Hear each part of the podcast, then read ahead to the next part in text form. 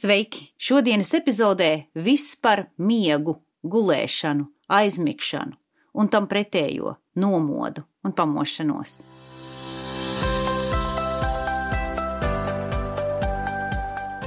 Sveiki podkāstā Noderīga psiholoģija. Mani sauc Evija Volfa. Es esmu psiholoģijas doktore. Mani podkāsti ir domāti tev, ja tevi interesē psiholoģija gan kā zinātne, gan kā noderīga prakse. Varbūt tev ir kādi konkrēti tev svarīgi mērķi, ko tu gribi sasniegt. Varbūt tavs galvenais mērķis ir justies labāk. Lai to izdarītu, tev ir jāzina, kā strādā tavs ķermenis, tavas sajūtas, domas un emocijas. Un arī ir jāzina paņēmieni, kurus pielietojot, tu vari mainīt savu ķermeni, apziņu un jūtas. Es ceru, ka informācija, ar kuru es dalos, tev palīdzēs veidot jaunu un pozitīvāku stāstu par sevi.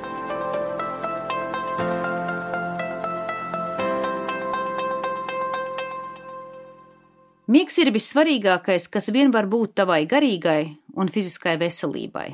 Un šodien runāsim par to, kas ir miega pozitīvā nozīme, kā labi izgulēties, kā viegli aizmigt, kā izvēlēties un kontrolēt to laiku, kad tu gribi aizmigt, kā justies labi, kad esi nomodā, kā tu vari būt produktīvs un kā tu vari būt radošs. Visa zinātniskā informācija, ko tu dzirdēsi šodien, nāk no Stanfordas Universitātes profesora Andrew Huberman podkāsta ar nosaukumu Master Your Sleep and Be More Alert. Es eh, radu iespēju, lai šīs vērtīgās zināšanas būtu pieejamas arī plašākam interesantu lokam. Es arī piedāvāju savu pieredzi, kas tev varētu noderēt. Es pati piedaru pie tiem, kam ir bijis grūti vakaros aizmigt izmantojot zināšanas, ar kurām es šodien gribu dalīties, Es esmu pati varējis nonākt pie tā, ka vakaros viegli aizēju gulēt, um, kaut kur ap pulkstens 11 un viegli pamostos no rīta, parasti ap pulkstens 7. Man ir viena lieta, ar kuru es turpinu cīnīties, un tā ir tāda, ka man ļoti gribās dzert kafiju. Man gribās dzert kafiju no rīta un tad arī pēcpusdienā. Nu, un tas gan man izsit no ritma, īpaši tā pēcpusdienas kafija, jo tad man ir grūti vakarā aizmigt. Ir, protams, citi cilvēki, kam šādas problēmas vispār nav. Mēs visi esam dažādi, kā parasti klausies un atrodi sev noderīgo. Tātad par miegu.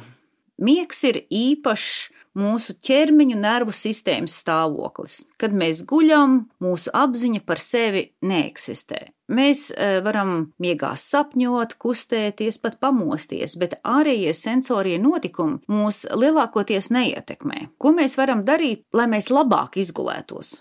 Šis jautājums ir ārkārtīgi svarīgs, jo mūsu nomoda laiks ir pilnībā atkarīgs no tā, cik kvalitatīvi mēs esam izgulējušies, bet lielākoties mēs nezinām neko par to, ko mēs varam praktiski darīt, lai labi izgulētos. Es gandrīz varu vai sadarīt, ka lielākā daļa no klausītājiem neizguļās labi, neizguļās 7 līdz 9 stundas un nepamostās pilni ar enerģiju un gatavi jaunai produktīvai dienai. Mēs esam gandrīz vai pieņēmuši tādu kā normu, ka mēs naktī neguļam labi, bet tas īstenībā nav normāli.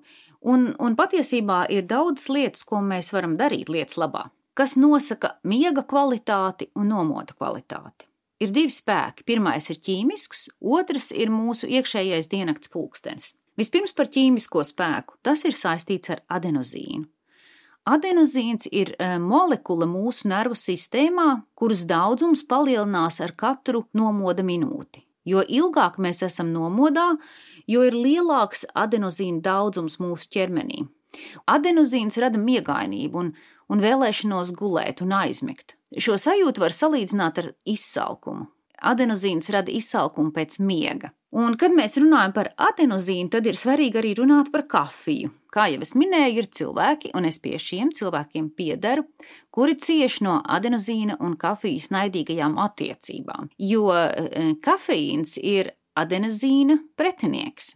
Kafīns ir atrodams, protams, ne tikai kafijā, protams, arī tējā un dažādos sodas dzērienos. Tu vari iedomāties tādu scēnu. Iedomājies stāvlaukumu, un stāvlaukumā, stāvlaukumā ir vietas, kur var nolikt mašīnas. Un uz katras vietas ir uzrakstīts, kurai no ķīmiskajām vielām vai kurai no mašīnām tur vajadzētu nostāties. Un tā, piemēram, ir uzraksts adenozīns. Bet, ja adenozīns nepaspēja noparkoties, pirms laukumā iebrauc kafeīns, tad tiek nobloķēts miegs. Kafīns piesaistās miegainības receptoriem, kas ir domāti adenozīnam, un tāpēc miegainības signāls nenostrādā laikā, un miegainības daudzums nesāk laikā uzkrāties. Un pret vakaru mums vienkārši pietrūks šis miegainības izsalkums. Un vēl kas, tad, kad kafīns pamazām samazinās un parkošanās vieta atbrīvojas, tad nogaidījušās adenozīna molekulas drāžas lielā ātrumā un daudzumā uz atbrīvoto vietu, un tu to izjūti kā intensīvu nogurumu, un, un tad vispār ir ļoti grūti kaut ko darīt tu jūties īpaši noguris. Es, protams, negribu radīt kaut kādu iespaidu, ka kafija un kafeīns ir kaut kādi vēlni, no kuriem tev būtu jāatpestī sevi. Un man, protams, patīk pat kafija, man gribās arī to dzert, bet parasti tā, ja es viņu iedzeru ap deviņiem no rīta, tad viss ir kārtībā un es varu mierīgi aizmigt. Bet, ja es iedzeru viņu ap diviem pēcpusdienā, tad gan man ir problēma. Bet man ir draugi, kas var dzert kafiju visu dienu. Viņi var dzert kafiju pat pirms viņi iet gulēt, un viņiem nekādas problēmas problēmas nav ar miegu. Un ir arī cilvēki, kas vispār kafijai nevar pieskarties, jo kafīns e, viņam traucē vispār gulēt, neatkarīgi vai viņš ir dzēris septiņos no rīta, deviņos vai divos, viņi vienkārši nevar lietot nekādus kafinētos dzērienus. Tu jau droši vien zini, pie kuras grupas tu piederi, un tev ir pašam savu pieredzi, un tu jau to zini. Ja nē, tad tu, protams, vari to noskaidrot, tu vari eksperimentēt ar kafīnu dažādos dienas laikos un un nepaies ne pāris dienas, kad labi zināsi, kurā laikā tu vari vai nevari dzert. Varbūt, ka tu vari dzert jebkad, un varbūt, ka tu nevari dzert vispār kafīnu dzērienus. Kafīns ir arī labs veselībai. Protams, ne jau tiem cilvēkiem, kas nevar pēc tam gulēt, bet kafīns palielina neiromodulātoru dopamīnu daudzumu, un dopamīns, kā zināms no pirmās podkāstu epizodes, palīdz mums justies labi un dod mums motivāciju darboties. Tas ir tādēļ, ka dopamīns ir saistīts ar citu neiromodulātoru, epinefrīnu, kas mums dod enerģiju. Epinefrīns tiek ražots no dopamīna. Tātad vēl vienreiz pozitīvajā variantā. No rīta, kad pamosties, tavā ķermenī sākas adenozīna ražošana. Tu to vari ierobežot ar kafijas vai cita kafīna dzērieniem, Bet, ja adenozīns var darboties neierobežoti, tad tas sāk uzkrāties, un vakaram nākot, tu kļūsti miegaināks un miegaināks un miegaināks, un visbeidzot tu nevari vairs izturēt, un tev gribās gulēt. Tad apmierināts ej gultā un drīz, drīz vien arī aizmiedz. Bet varbūt es ievēroju kaut ko interesantu. Varbūt, ka tu esi bijis visu naktu ballītē, Lai gan tu esi bijis nomodā visu nakti, tu esi noballējies, noguris, tev ir daudz adenozīna ķermenī, bet līdz ko parādās rīta ausmiņa, tu sajūti jaunu enerģijas lādiņu. Kāpēc tā notiek? Tas saistīts ar otro spēku, ar diennakts ritmiem. Diennakts ritmi tas nozīmē miega un nomoda ciklus 24 stundu diennakts laikā. Katram cilvēkam, protams, arī dzīvniekiem, ir uh, savs diennakts pulkstenis. Tas nosaka to laiku, kad mēs gribam gulēt un kad mēs gribam pamosties. Tu šo pulksteni jau pazīsti. Tu zini, protams, ka tev gribās gulēt un ka tev gribās arī būt nomodā. Parasti cilvēki guļ kādas 6, 8 stundas un pārējā laikā ir nomodā. Miega ciklu var ietekmēt daudzas lietas, un viena, viena no vissvarīgākajām lietām ir gaisma. Un pirmkārt, tā ir saules gaisma. Pat arī tad, ja saule ir aiz mākoņiem. Nav iespējams pārspīlēt to lielo nozīmi, kāda ir saules gaismai. Saules gaismai ir milzīga ietekme uz miegu un nomodu, uz šiem cikliem. Saules gaisma ir, ir vitāli svarīga. Kas tad notiek tavā smadzenēs 24 stundu diennaktī? Neatkarīgi no tā laika, kad tu esi aizgājis gulēt, Tev ir tendence pamosties ap to laiku, kad aust gaisma. Ne jau tieši precīzi saulēkta brīdī, bet aptuveni ap to laiku. Parasti ne vēlāk kā divas līdz trīs stundas pēc saulēkta. Es zinu, ka starp klausītājiem ir arī cilvēki, kas strādā naktsmaiņās, un tie, kas ceļo un cieš no jetlaga, par tiem mēs runāsim citā reizē. Parasti mēs pamostamies apmēram ap saulēktu. Pamošanās laikā mūsu virsnieru dziedzeri kas atrodas virs nierēm, kā jau nosaukums to saka, izdala nelielu daudzumu kortizola. Tāpēc, ka tas ir neliels daudzums, es vienkārši teikšu, lietošu vārdu pulss. Nelielu daudzumu, ja pulsu. Tāpat notiek arī epinefrīna pulss. Epinefrīns ir adrenalīns smadzenēs. Un tad mēs sajūtamies pamodušies.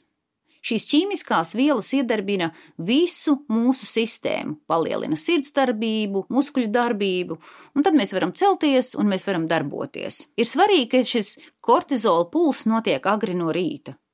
Jo citādi tu staigā apkārt visu dienu, samiegojies. Ir svarīgi, lai kortizola puls un visas sistēmas darbība uzsāktos kā liels paisuma vilnis. Tas kortizola puls, kas iepludinās mūsu sistēmā no rīta pie pamošanās, nav negatīvā stresa radīts kortizola šoks. Tas nav tas kortizola šoks, kad tu atklāji, ka tavā bankā pietrūks naudas, vai ka tev uz ceļa pēkšņi priekšā izlec melns kaķis, vai arī, ka tu pamosties ar divu stundu aizgulēšanos. Šis rīta kortizola pūls, par kuru es runāju, ir ļoti pozitīvs, un tas ir absolūti nepieciešams. Tas tev liek pamosties, celties, iet, uh, socializēties un tā tālāk. Un rīta stundā, kad kortizols iedarbina tavu mundrumu, notiek vēl viena svarīga lieta. Tiek iestādīts pulksteņa laiks, kad tava nervu sistēma izdalīs citu hormonu, ko sauc par melatonīnu. Melatonīns savukārt ir miegainības un miega hormons, un tas tiek radīts galvas smadzenēs. Par melatonīnu domājot, iedomājies savu iekšējo pulksteni, kas tiek nostādīts tajā mirklī, kad tu pamosties un kad notiek kortizola puls. Šis pulkstenis tiek nostādīts tā, ka pēc 12 līdz 14 stundām smadzeņu epifīze izdalīs melatonīnu. Tātad, kā tu redzi, ir divi signāli un divi mehānismi - pamošanās un miega mehānisms un signāls.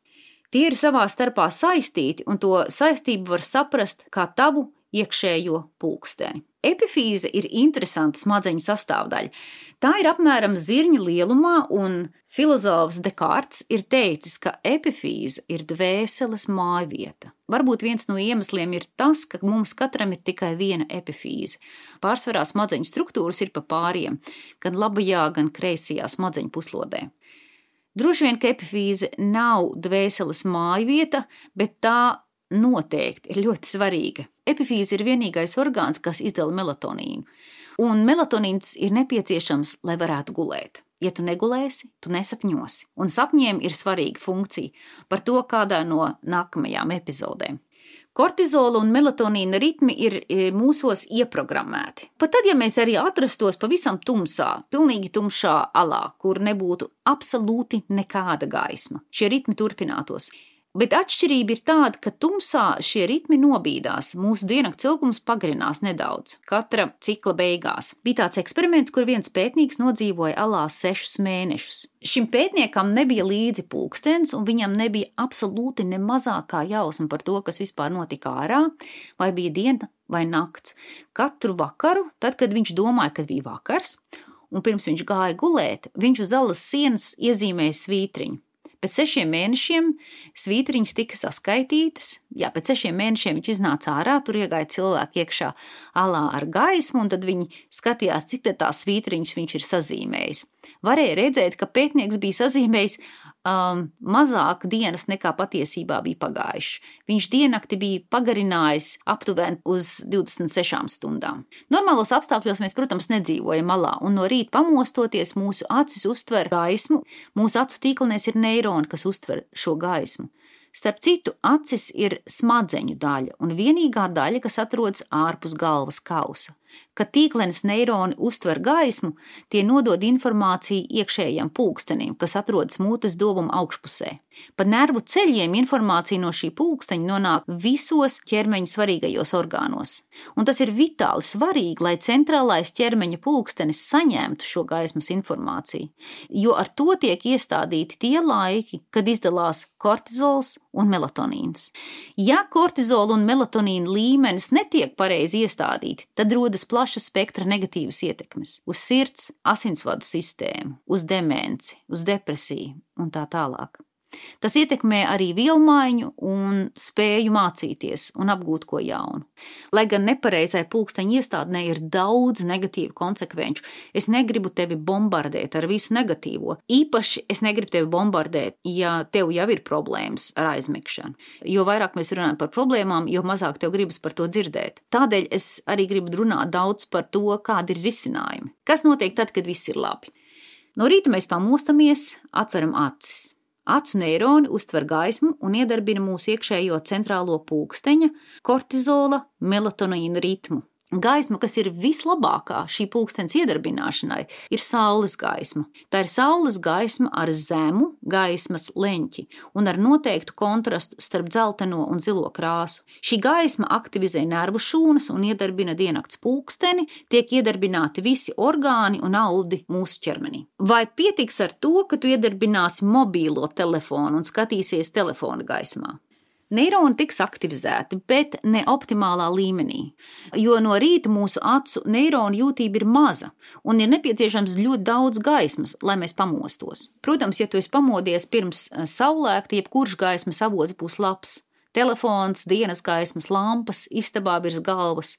Lampa, kura mākslīgi rada zilo gaismu, ir īpaši laba. Šāda veida gaisma būs nepieciešama arī tad, ja tev nu, nav pilnīgi nekādas iespējas redzēt saules gaismu. No rīta un pa dienu tev ir nepieciešama daudz šī zilā gaisma. Jo agrāk no rīta šī gaisma nonāk uz tavu acu tīklenēm, jo labāk. Ir cilvēki, kas domā, ka viņiem vispār ir nepieciešami zilās gaismas bloķētāji, bet tā nav taisnība. Šie bloķētāji nav nepieciešami no rīta, tie ir vajadzīgi vakarā. Nekas nevar aizstāt to, ka tu iziesi ārā un skatīsies rītausmas debesīs. Un tas ir jādara pēc iespējas tuvāk saulēktam.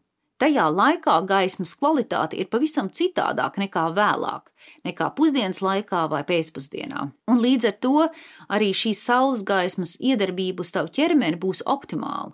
Kortizola pūls, kas ir nobīdījies, un īpaši, ja kortizols eh, palielinās vēlu vakarā, kaut kur ap 8, 9 vakarā, tam ir ārkārtīgi negatīvas konsekvences. Ar to var būt saistītas tādas lietas kā trauksme un depresija. Jo agrāk pa dienu tu saņem kortizola pulsu, jo ir labāk. Un arī jo ilgāks laiks ir starp kortizola pulsu un melatonīna pulsu, jo labāk.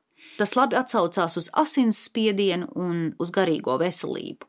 Droši vien kāds gribēja zināt, vai pietiek ar to, ka skatās ārā pa logu caur aizvērtu stiklu. Protams, ka var skatīties ārā caur aizvērtu logu, caur aizvērtu stiklu, bet gaismas daudzums būs vismaz 50 reizes mazāk nekā, ja tu atvērsi logu un skatīsies ārā pa atvērtu logu. Nav nepieciešams skatīties tieši saulē. Debesīs ir pietiekuši daudz fotonu un brīdinājums. Nekad nevajag skatīties un nedrīkst skatīties gaismas avotā, kas tev liek acīm sāpēt, jo tīkleni var sadedzināt. Nākamais jautājums - cik ilgi stāvēt ārā un skatīties debesīs? Tas ir atkarīgs no vietas, kur tu dzīvo, no gada laika, no laika apstākļiem. Jo ārāk ir mazāk gaismas, jo ilgāk ir jāstāv ārā un jāskatās debesīs. Pat makuņainās debesīs būs ap 10-50 tūkstoši gaismas enerģijas daudzumu, ko var izmērīt ar luks mērītāju. Ir ieteikums pavadīt ārā kādas 2 līdz 10 minūtes un ļauties dabīgai gaismai un visiem tās labumiem. Ja saules gaisma nav pilnīgi nekādi pieejama, ko darīt? Nu, protams, tad ir jāizmanto mākslīgos gaismas avotus. Ir nopērkama tāda lieta kā saules gaismas simulātora lampas un gaismas terapijas lampas. Tu vari arī atrast aplikācijas telefonā, tādas aplikācijas, ar kurām var izmērīt gaismas enerģijas daudzumu. Tu vari pārbaudīt, cik daudz gaismas ir telpā, pie kādām lampām un cik gaismas enerģijas ir ārā. Un, ja nu tev patiešām nav iespēja nekāda redzēt ne saules gaismu, neiegādāties lampas. Arī tad nav iemesls panikai, jo mūsu ķermeņa hormonu un neiromediātoru sistēmas, kas regulē miegu nomodu ciklus, arī noregulēs tavu sistēmu aptuveni uz vidējo celšanās un gulēšanas laiku, tā kā tam vīram, kas eksperimentēja alā. Vēl cits jautājums, ko darīt, ja tev ir jāvalkā brilles, ja ārsts tev ir parakstījis tumšās brilles? Vispirmām kārtām, protams, noteikti ir jāievēro to, ko tev ir ārsts ieteicis un parakstījis, un ir jāievēro visi piesardzības noteikumi. Ja tev ir tīklenes deģeneratīvi traucējumi vai glaukoma, tev ir jāizvairās no spilgtas gaismas. Gaisma, kas tev būs gan droša, gan noderīga, iekšējā pulksteņa regulēšanai būs daudz vājāka nekā citiem, un tev būs jāpavada ārā ilgāks laiks. Vēl cits jautājums - kā šī gaismas sistēma strādā vairedzīgiem vai neredzīgiem cilvēkiem? Izrādās, ka tā strādā, ja vien cilvēkam ir acis. Acīs saglabājās tās nervu šūnas, kas regulē diennakts ritmus, pat akluma gadījumā. Es domāju, ka būs arī klausītāji, kas būs 100% pārliecināti par to, ka viņi ir pūcis, jeb kā man mamma saka, nakts putni, kam patīk darboties pa nakti un pa dienu gulēt. Un ir iespējams, ka ir cilvēki ar ģenētisku polimorfismu, ar gēniem, kas liek viņiem palikt nomodā vēlās naktas stundās. Taču visdrīzāk šo cilvēku diennakts pulkstenis nav pareizi noregulēts. Katrs no jums var to noskaidrot, eksperimentējot ar rītausmas gaismu. Man būtu ļoti interesanti uzzināt, kādi ir šī eksperimenta rezultāti. Vai ir kaut kas vēl bez rīta gaismas, ar kuras palīdzību var regulēt diennakts ritmus? Gaisma, protams, ir pirmais regulators, un tas ir vissvarīgākais. Bet ir arī citas lietas, kas palīdz regulēt ritmus. Tajā skaitā ir tāda lieta kā ēšana, sportošana un ķīmiskas vielas, kā medikamenti un uztura bagātinātāji. Par ķīmiskajām vielām es runāšu vēl pēc brīža. Kas attiecās uz vingrošanu un sportošanu, vingrošana no rīta tev noteikti palīdz, palīdzēs pamosties, lai gan nebūs tik efektīva kā saules gaisma. Par ēšanu runāsim atsevišķā podkāstā. Es gribu tam veltīt lielāku laiku, īpaši runājot par to saucamo intermittent fasting, ko es gribētu tulkot nevis kā badošanos, bet kā pārtrauktu gavēni. Izklausās daudz pozitīvāk. Bet atgriežoties pie gaismas, ir arī svarīgi saprast vakara gaismas ietekmi uz mūsu diennakts pulksteni, uz miegu, uz vielmaiņu, uz gara stāvokli, kā arī spēju koncentrēties un mācīties. Un galvenais par vakara gaismu ir tas, ka mums vakarā ir svarīgi ierobežot gaismu gaismas daudzumu. Arī gaismas spektram ir nozīme. Vakarā mums ir jāizvairās no zilās gaismas. Sarkanā gaisma netraucē diennakts ritmus, bet lielākoties neviens no mums mājās nav instalējis infrasarkanās gaismas. Gaismas ķermeņa novietojums telpā arī ir ļoti būtisks. Ir vislabāk, ja vakara gaisma nāk no grīdas, bet nevis no griestiem. Kāpēc? Tas ir tāpēc, ka nervu šūnas, kas uztver gaismu un regulē diennakts ritmu, ir lielākoties novietots acs apakšējā malā.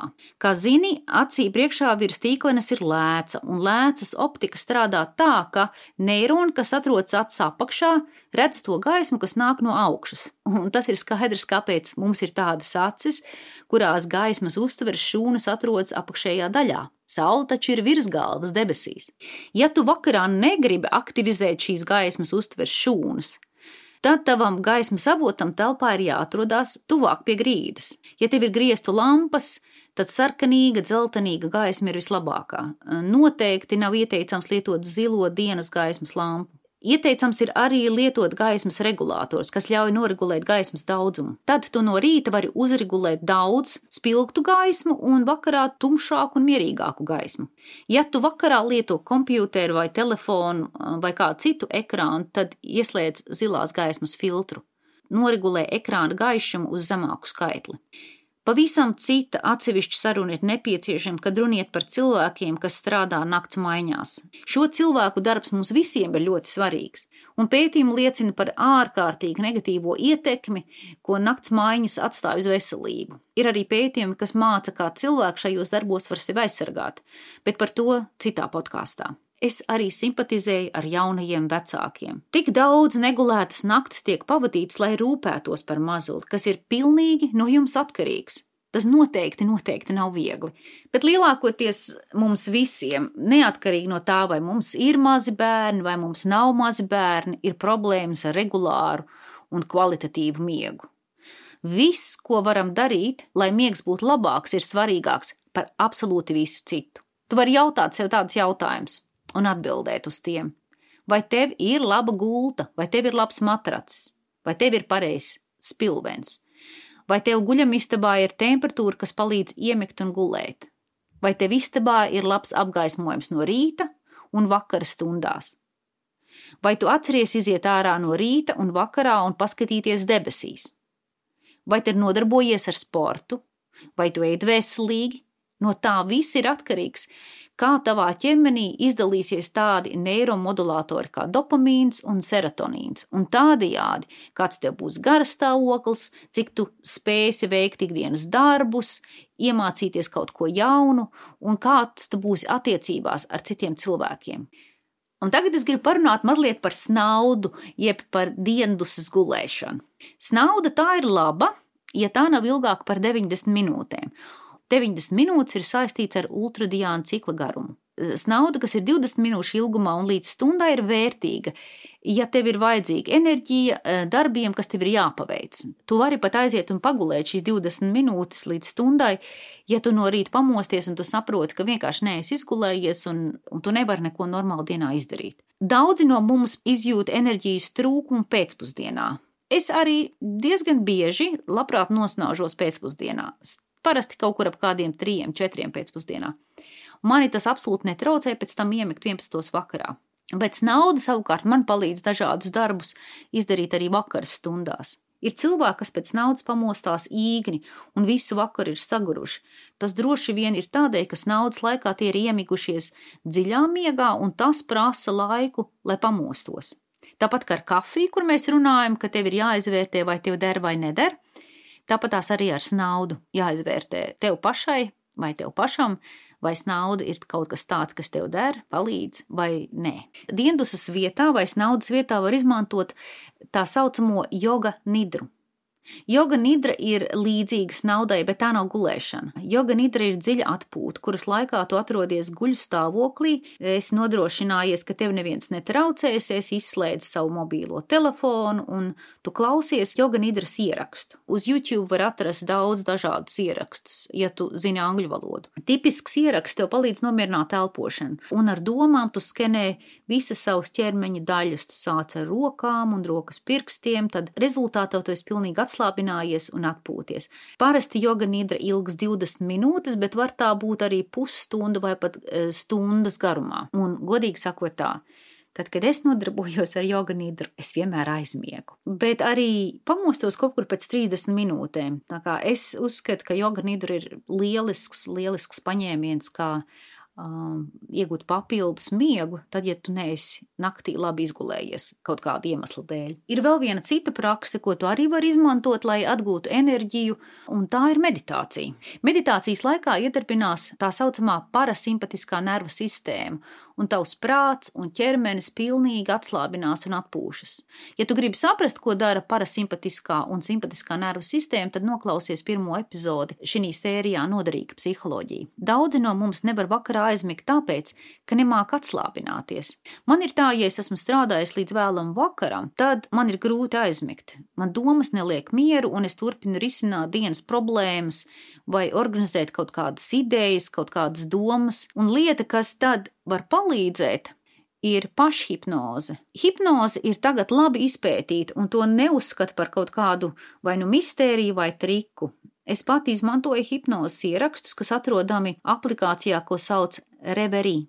Reveri. Reverī piedāvā par brīvu interaktīvus ierakstus, un es tos esmu izmantojusi gan vakarā, kad es neesmu varējis aizmigt, arī pa dienas laiku. Man tie vienmēr ļoti labi nostrādā, un es esmu varējis gan vienkārši atpūsties, gan arī aizmigt un pagulēt. Hipnoze ievada smadzenes relaksācijas stāvoklī, un šī relaksācijas stāvoklī veidojas jauni nervu ceļi. Šo procesu sauc par neiroplastiskumu. Par to es runāju arī pirmajā epizodē, un to tu vari jebkurā laikā noklausīties. Kāpēc ir labi izmantot hipnozi, meditāciju, joga nidru, snaudu kā metodes, kā, kā prakses, kas tev palīdz atbrīvoties no spriedzes, atslābināties un aizmigt. Tāpēc, ka šīs metodes ir īstenībā kā treniņš. Pārsvarā mēs visi varam saņemties un negulēt nakti, bet lielākā daļa no mums nemāk sevi ne piespiest, atpūsties, ne aizmigt. Un tādēļ šīs metodes var izmantot kā treniņu, kas tad noder tajās dzīves situācijās, ka tev ir nepieciešams atslābināties un nomierināties, vai nu stresa situācijā, vai vienkārši tad, kad tu gribi vakarā aiziet gulēt un aizmigt. Ir viena svarīga patiesība, ko tu jau droši vien zini, bet ir to vērts atkārtot. Ir grūti kontrolēt prātu ar prātu. Tādēļ varam likt lietā metodas, paņēmienus un praktiskas darbības, kas palīdzēs mums nonākt vēlamajos prāta un ķermeņa stāvokļos. Ir daudz vieglāk iziet ārā no rīta un aktivizēt savu sistēmu ar gaismu, kas savukārt noregulē kortizola, melatonīna ritmu, nekā cīnīties ar aizmigšanu. Tāpat ir arī vieglāk noregulēt vakara gaismu tavā mājā un iziet ārā pastaigāties ap saulrietu, nekā pierunāt sevi aizmigt vakarā, ka tavā sistēmā ir pārāk daudz kortizola. Un tagad par medikamentiem un uztura bagātinātājiem. Sākšu ar to, ka absolūti viss, ko tu liec iekšā savā sistēmā, savā ķermenī, zāļu, pārtikas bagātinātāji un jebkuras citas ķīmijas, e, ķīmiskas vielas veidā, tajā skaitā arī pārtikas un alkohola veidā, ietekmēs tavu miegu. Tas gan nenozīmē, ka šī ietekme būs laba. Ir viena lieliska interneta mājvieta, kur var noskaidrot informāciju par jebkuru ķīmisku vielu un tās ietekmi uz, e, piemēram, uz miegu. Mājvieta ir angļu valodā un tās nosaukums ir PubMed. PubMed raksta PubMed. Ar Google tulkotāju palīdzību droši vien tu vari arī iztulkot informāciju. E, visa informācija, ko atrod šī mājaslapā, tā ir pamatota un profesionāli recenzēta. Ir vesela grupa ar tiem saucamajiem stimulantiem, kas veicina nomodu. Tajā skaitā ir kokaīns, amfetamīns un zāles, kas domāts narkolepsijas ārstēšanai - armodafinils un uh, modafinils. Šie stimulanti rada nomodu un bezmiegu, palielinot epinefrīnu un dopamīnu daudzumu ķermenī. Ja ārsts to ir izrakstījis, tad, protams, lietošanai ir pamats, Citādi stimulantu lietošana nāk ar pārāk daudzām negatīvām un briesmīgām sekām un, un atkarību no tām, un tādēļ lietot stimulants vienkārši nav prātīgi.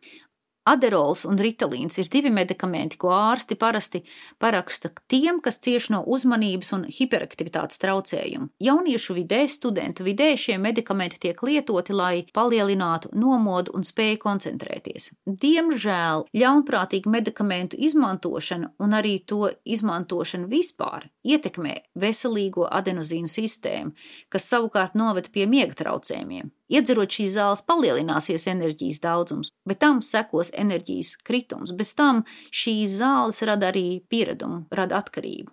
Ir medikamenti un bagātinātāji, kas ir daudz drošāki. Es nemēģinu nevienu pārliecināt par to, kas jums būtu jālieto. Es dalos ar informāciju, kas ir zinātniski pamatota un arī personīgām pieredzēm. Un šī informācija var jums noderēt, ja jūs meklējat savus risinājumus un ja jūs pieņemat savus lēmumus, kas attiecās uz, uz jūsu miegu un uz jūsu veselību. Vispirms par magnēziju. Ir dažāda veida magnēzijas. Ir veidi, kam ir pozitīva ietekme uz miega palielināšanu, kas palīdz gan pie iemigšanas, gan pie dziļāka miega. Magnēzijas strādā tādajādi, ka palielina neiromediātoru GABA. Un GABA savukārt samazina domu aktivitāti, ļauj domām tā teikt aizpeldēt prom pa miega upi, un tu vari aizmigt. Magnēzija treonāts ir viena no magnēzija formām, kas palīdz aizmigt. Es pati personīgi izmantoju šo magnēziju, un tas man ir palīdzējis, un, protams, jūs varat izvērtēt, vai jums arī tas varētu palīdzēt. Ja jums ir tāda nepieciešamība, es lietoju 400 mg magnēzija tableti pirms gulētiešanas. Otrs bagātinātājs ir tianīns. Angliski viņu raksta kā thianīna fianīnu. Tas palīdz, lai vieglāk tiktu vaļā no intensīvajām domām, iemigt un gulēt. Interesanti ir tas, ka tianīnu liek klāts sporta dzērienos, lai samazinātu druģainu reakciju un trauksmes sajūtu, ko sporta un enerģijas dzērieni varētu radīt.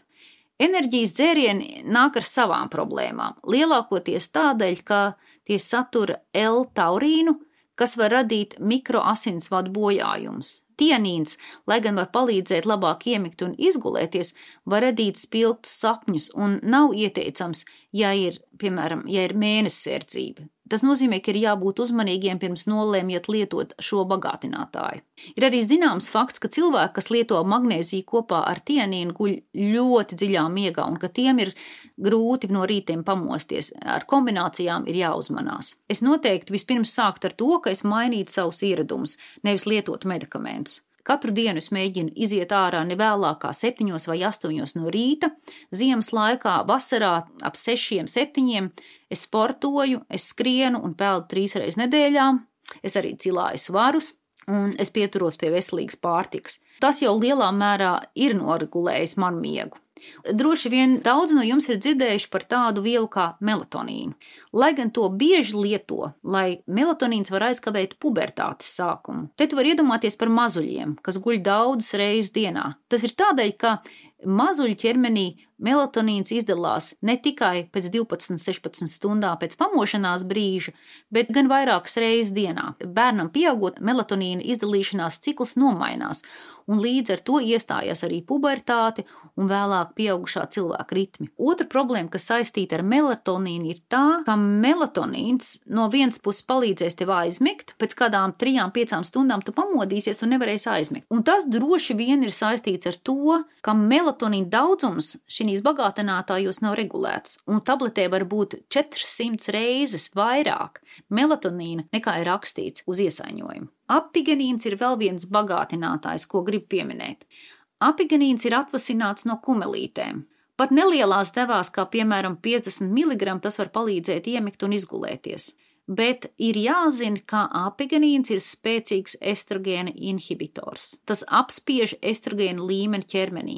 Īpaši sievietēm, kas grib uzturēt augstu estrogēna līmeni, tas ir jāņem vērā. Arī vīriešiem, protams, estrogēns ir nepieciešams, un tāpēc šī informācija ir svarīga, jo samazināts estrogēna daudzums var atstāt sliktu ietekmi gan uz libido, uz dzimumtieksmi, gan uz prāta un izziņas spējām vienmēr konsultējies ar savu ārstu vai savu veselības speciālistu, pirms tu nolem lietot kādus medikamentus vai bagātinātājus. Un, ja tu izdomā eksperimentēt pats vai pati, tad tas, protams, ir uz tavu atbildību. Es pat izmantoju tādu mājaslapu, kuras adrese ir examin.com, kur var atrast informāciju par medikamentiem un bagātinātājiem. Tur, protams, atkal informācija ir angļu valodā. Kā jau teicu, ar Google Translate, ar Google tulkotāju var diezgan labi iztulkot. Pēc manām domām šis tulkotājs pēdējā laikā diezgan labi strādā. Es ceru, ka šodienas informācija tev noderēs un tev ir skaidrs, cik liela un pozitīva nozīme ir miegam, kā tu labi vari izmeklēties, kā tev vieglāk aizmigt, cik ļoti liela nozīme ir gaismai. Es ceru, ka tu ies ārā, skatīsies debesīs, skatīsies saules lēktu. Un vakarā izies ārā un skatīsies saules rietu. Ja tev šie podkāsti interesē, ja tev patīk šī informācija, tad paraksties un sekotiem. Tad tu saņemsi ziņu, kad iznāks jaunās epizodes. Pastāst arī saviem draugiem un iesaki, lai arī viņi to dara. Tas ir vislabākais veids, kā atbalstīt šos podkāstus. Un tas ir arī vislabākais veids, kā izplatīt praktiski pielietojamas zināšanas, kas noder prāta un ķermeņa veselībai. Paldies par tavu atbalstu! Paldies, ka klausījies! Līdz nākamajai reizei!